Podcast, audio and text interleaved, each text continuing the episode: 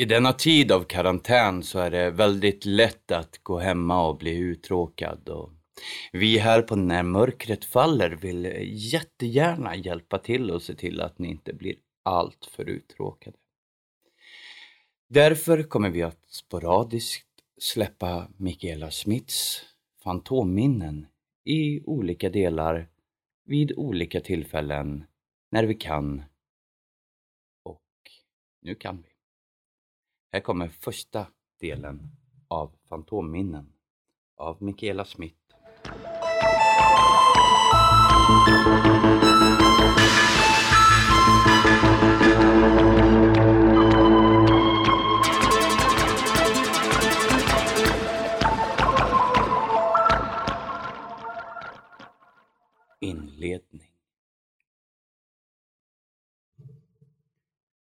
Det var min far, skrivaren, som först satte namn på fenomenet.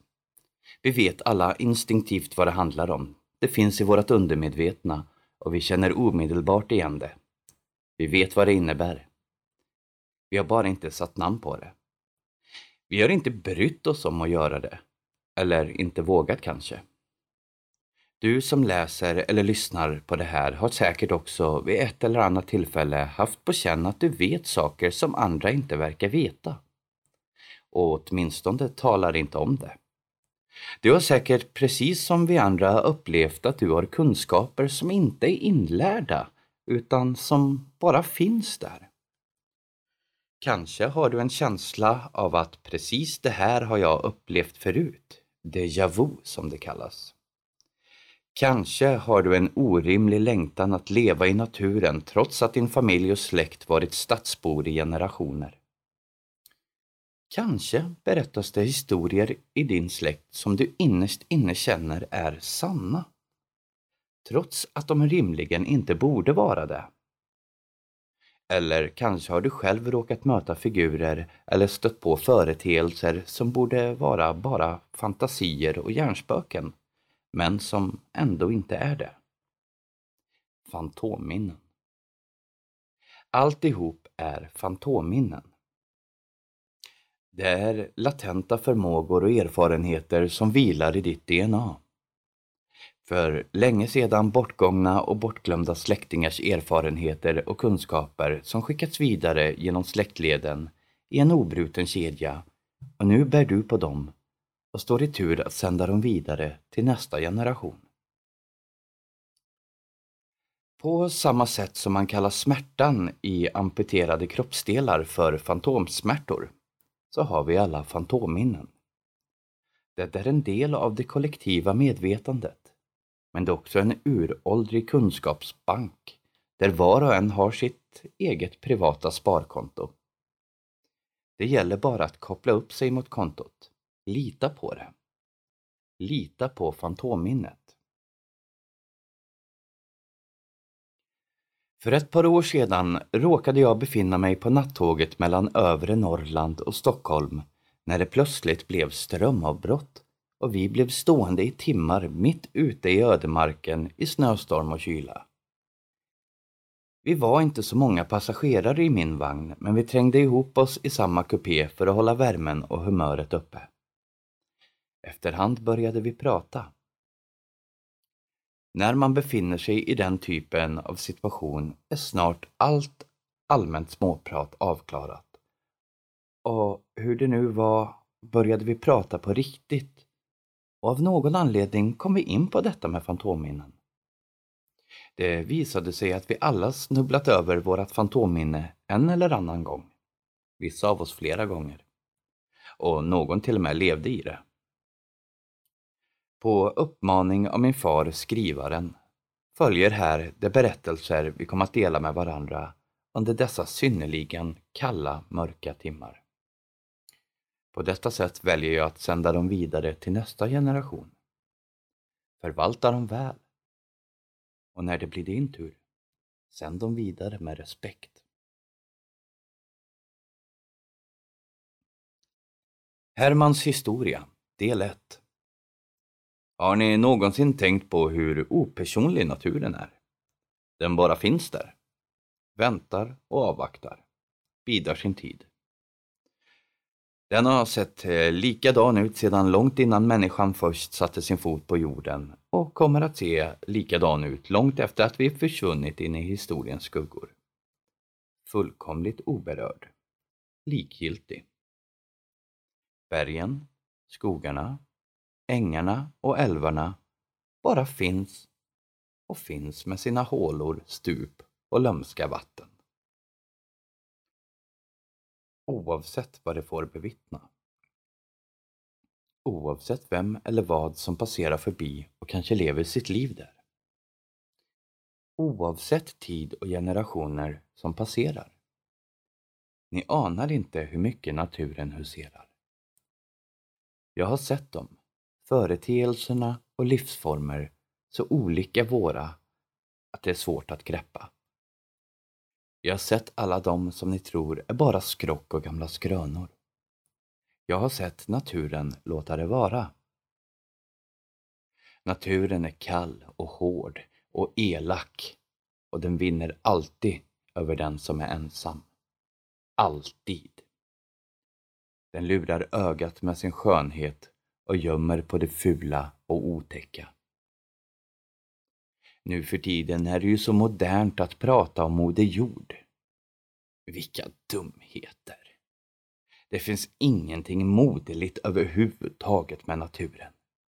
Det är en känslokall, opersonlig ordning som likgiltigt livnär både vad som är gott och det som är ont, men som vänder sig bort och ler när de båda ryker ihop och slåss. Om man tar någonting från naturen kan det hända att den kräver någonting i utbyte. Den skulden måste man betala. Det går inte att vägra, lura, strunta i det eller försöka komma undan. För om man gör det är straffet outhärdligt. Man kan inte leva med det. Jag är skogshuggare. Jag tog timmer. Min far tog också timmer och hans far före det. Det är så vi livnärt oss i alla tider, satt mat på bordet. Varje vinter tog jag träd i skogen. Varje vår drog jag fram timmer och varje sommar flottade jag det ut över älven. På hösten var det lite jordbruk och sedan slöt cirkeln och alltihop började om igen. Jag visste vad jag fick ta och vad som måste stanna kvar. Jag vet hur man sluter ett avtal med naturen och har alltid varit noga med att hålla min del av det. Och för det mesta gick det bra. Man får vara vaksam, hålla sina löften och hoppas på att vara helskinnad vid dagens slut. Jag är gammal nu och har levt hela mitt liv i skogens skugga. Som barn lekte jag långa dagar där och det tycktes alltid vara sommar. När jag var tolv tyckte far att jag var vuxen nog och då fick jag börja jobba. Till en början följde jag med som hjälpreda och fick lära mig allt de kunde lära ut. Jag lärde mig fort vilka regler man måste följa och var det fanns hjälp att få i yttersta nöd. Jag lärde mig redan som barn vilka av naturens väsen det gick att lita på och vilka som man gjorde klokast i att akta sig för. Och jag lärde mig förstå att naturen struntar i vilket. Man slöt sitt avtal, höll sin del av det och hoppades på det bästa, precis som alla andra i naturen. Den är åtminstone rättvis. Naturen bryr sig inte om någon annan än sig själv och är lika brutal och skoningslös mot alla. Varje årstid, månad, vecka, dag, timme och minut kräver naturen att man ska hålla sitt löfte. Men själv lovar den ingenting. Och gör den det är det långt ifrån säkert att den håller vad den lovar. För i naturen är våra moraliska riktlinjer och sociala spelregler inte värda ett endaste dugg. Vi kan fälla träd, dämma vatten och spränga berg för att vi har kunskaperna. Men när naturen kommer och kräver betalt blir det inte billigt för den som gapat över mycket utan att ens bemöda sig om att be om lov.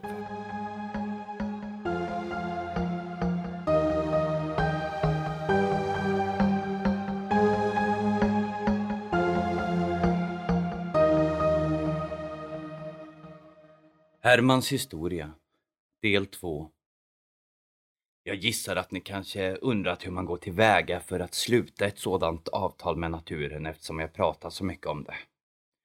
Nåja, man ska helst inte prata så mycket om det och särskilt inte med oinvigda.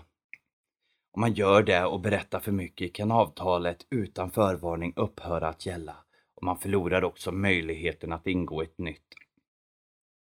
Jag antar att naturen tycker att man tappar sin trovärdighet. På grund av det kan jag inte ge er en exakt beskrivning. Ni måste själva lära er detaljerna. Men jag kan i alla fall säga så mycket att det är inte så enkelt som man först kan tro. Det finns en plats man måste uppsöka, trots att man inte får. Och det finns ord man måste uttala, trots att man inte kan dem. Platsen varierar beroende på vad för slags avtal det är frågan om. Skogsmän har sina platser och bergmän och sjömän har sina. Det enda de har gemensamt är att de är förbjudna. Orden man måste uttala är de samma överallt, men det är ändå nästan det svåraste. Det är ett språk så gammalt, så uråldrigt att det nästan inte går att tvinga orden ut ur munnen. Man måste öva länge inuti huvudet innan man försöker sig på att uttala dem. Fundera länge och väl. Söka i sitt fantomminne om ni så vill, för att förstå dem till fullo. Vad man begär och vad man erbjuder i gengäld måste väga jämnt och man måste tänka igenom sitt erbjudande, för det går inte att ta tillbaka sitt löfte. Man ska ha i åtanke att allt naturen vill är att bli lämnad i fred och att naturen kräver att man visar respekt för alla dess invånare. Både det synliga och det osynliga. Och ja, även det ondsinta. Det man tar måste man lämna åter, så kan man säga. När man hittat ett sätt att förena allt detta kan man sluta sitt avtal. Man uttalar det outtalbara på den förbjudna platsen och får sedan för det mesta göra det du ska göra i fred, om du håller din del av löftet. Så ungefär går det till. Men det är inte bara naturen du måste komma överens med. Skogen är bebodd av allehanda varelser, väsen och oknytt som mer än gärna visar upp sina konster och bländverk. En del av dem är vänliga, hjälpsamma och lätta att ha att göra med. En del är ettriga oknytt som man ska passa sig för. Och ibland är det svårt att veta skillnad. De allra flesta struntar i människor eller tycker inte om dem. De ser man sällan eller aldrig och gör man det är det bara oftast en hastig glimt. Det finns sådana som bara iakttar. Den som någonsin känt sig iakttagen fast man vet med sig att man är ensam vet vad jag pratar om. Det är de. Väntarna. Men vad det väntar på vet jag inte och jag vill inte veta heller. Och så finns jagarna. Det är de du hör eller ibland bara anar. Jagarna brukar hålla sig bakom och de är farliga. De är otrevliga och svåra att bli kvitt. Det gäller att inte visa sig rädd, för det är rädsla de lever på. Gå bara lugnt och sansat vidare, trots att du hör de där extra stegen. Grenarna som knäcks eller stenarna som rubbas. Öka inte farten och börja absolut inte springa. För om man gör det, gör jagarna också det, tills man tvingas springa så fort att man springer ihjäl sig. Det roar sig bara. Men det är inte så roligt att bli utsatt för dem. En del av det oknytt som man stöter på i skogen finns bara för att någon någon gång någonstans läst fram dem. Och det återvänder bara dit det kom ifrån om någon läser bort dem igen. Det är ingenting man kan göra av misstag och vem som helst kan inte göra det. Man måste ha tillgång till svartboken. Tyvärr är inte svartboken alltid i rätta händer. Så en del varelser blir kvar här, där de inte hör hemma och inte vill vara. Det är sällan särskilt belåtna.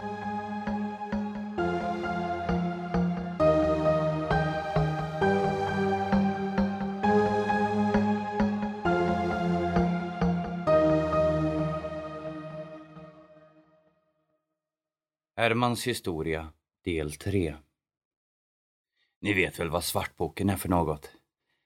Det finns idag endast ett fåtal exemplar bevarade som man vet var det är. Jag tror det är tre, eller kanske fyra. De flesta människor nu för tiden har aldrig sett den, men jag tror att de flesta nog har hört talas om den. I alla fall var det så förr.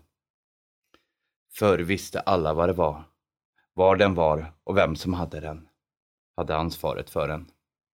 I våra trakter var det Stornila som hade den. Mycket av det jag vet om naturen, skogen och allt det som lever och bor där har jag lärt av Stornila. Tack vare honom känner jag till allehanda ting som många gånger räddat både mig själv och andra.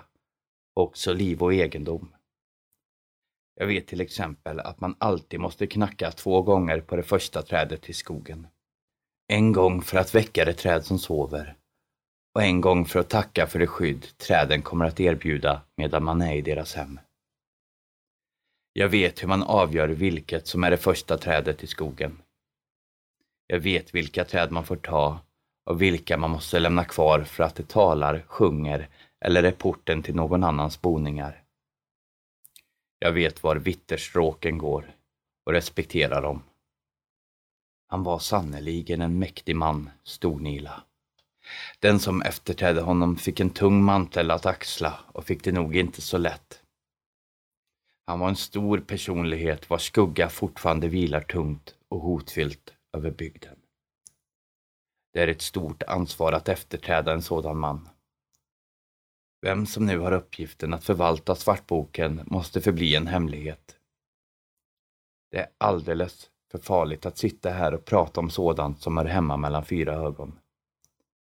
Vem den är så hoppas jag att han gör så gott han kan.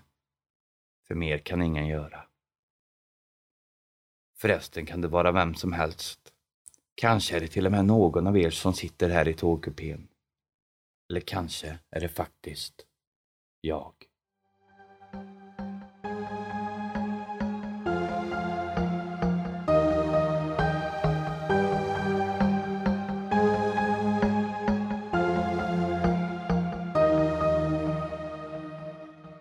Mellanrum Hela tiden medan Herman berättade sin historia satt vi andra tysta och lyssnade andäktigt. För vi tyckte alla att det var fantastiskt spännande, alldeles oavsett om det nu bara var en historia eller inte. Han var en fenomenal historieberättare. När han avslutat historien var vi alla tysta en stund, medan var och en funderade över allt han sagt och stämningen hotade sig till sist att bli ganska spänd och tung. Som när någon precis berättat en riktigt läskig spökhistoria som gjort alla mörkrädda. Kanske hade det att göra med att vi satt fast där ute i ödemarken och egentligen inte kände varandra alls. Hermans hustru Iris, som också hon var med på tåget, flyttade sig närmare sin make och vi andra drog oss omedvetet i motsatt riktning, plockade med småsaker, rättade till kläder och undvek nogsamt att se på Herman. Jag vet inte hur det var med det andra, men jag tänkte på det ganska skräckenjagande, Stornila, Svartboken och vem som tagit på sig ansvaret och uppgiften att förvalta arvet efter Stornila. Tänk om det var han. Tänk om det var Herman och alltihop faktiskt var på riktigt. Vem var Herman egentligen? En fantastisk historieberättare av den gamla sorten. Eller talade han helt enkelt sanning? Och det bara råkade vara väldigt spännande. Vem vet? Inte jag i alla fall. Den nästa som tog till orda där och då var Iris. Ni har hört första delen av Fantomminnen. Nästa del kommer ut sporadiskt, lite när jag har hunnit läsa in den. Jag hoppas ni alla har det bra. Ni som kan vara ute, ni som är i karantän och ni som bara är. Ni får jättegärna hjälpa till att hålla podden vid liv genom att donera det finns ett swishnummer i beskrivningen och även en Paypal-länk där ni kan donera med kort eller Paypal. På återseende.